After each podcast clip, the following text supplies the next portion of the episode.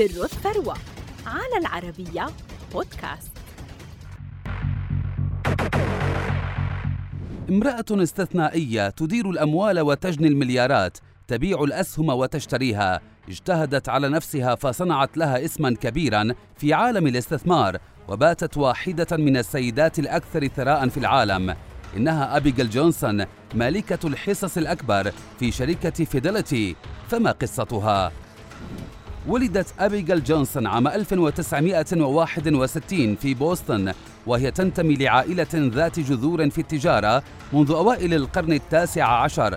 فجدها إدوارد سي المعروف بجونسون الثاني مؤسس إحدى أهم شركات الاستثمارات في العالم والتمويل المشترك في عام 1946 أسس جونسون الثاني شركة الصناديق المشتركة and Research FMR ونجح في جذب المستثمرين في السوق المالية وإدارة أموالهم وبفضل حنكته نمت الشركة بشكل كبير في سوق الأسهم خلال الثمانينيات والتسعينيات وأصبحت إحدى أهم شركات القطاع المالي وعندما قرر التقاعد في عام 1977 تنازل عن إدارة الشركة لابنه جونسون الثالث.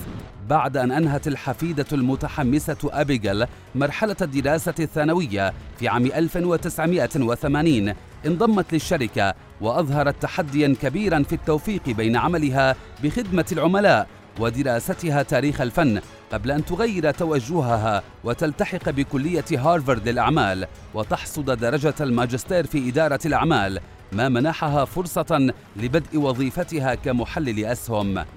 في عام 1994 ترقى والد أبيجل لمنصب مساعد مدير الشركة وهو ما دفعه للتفكير في رفع أسهمه بالشركة حيث بات المساهم الأكبر فيها فيما كانت تتدرج هي بالوظائف إلى أن أصبحت رئيسة قسم الصناديق المشتركة وصاحبة القرار رقم ثلاثة في الشركة بعد والدها ومدير العمليات بالشركة.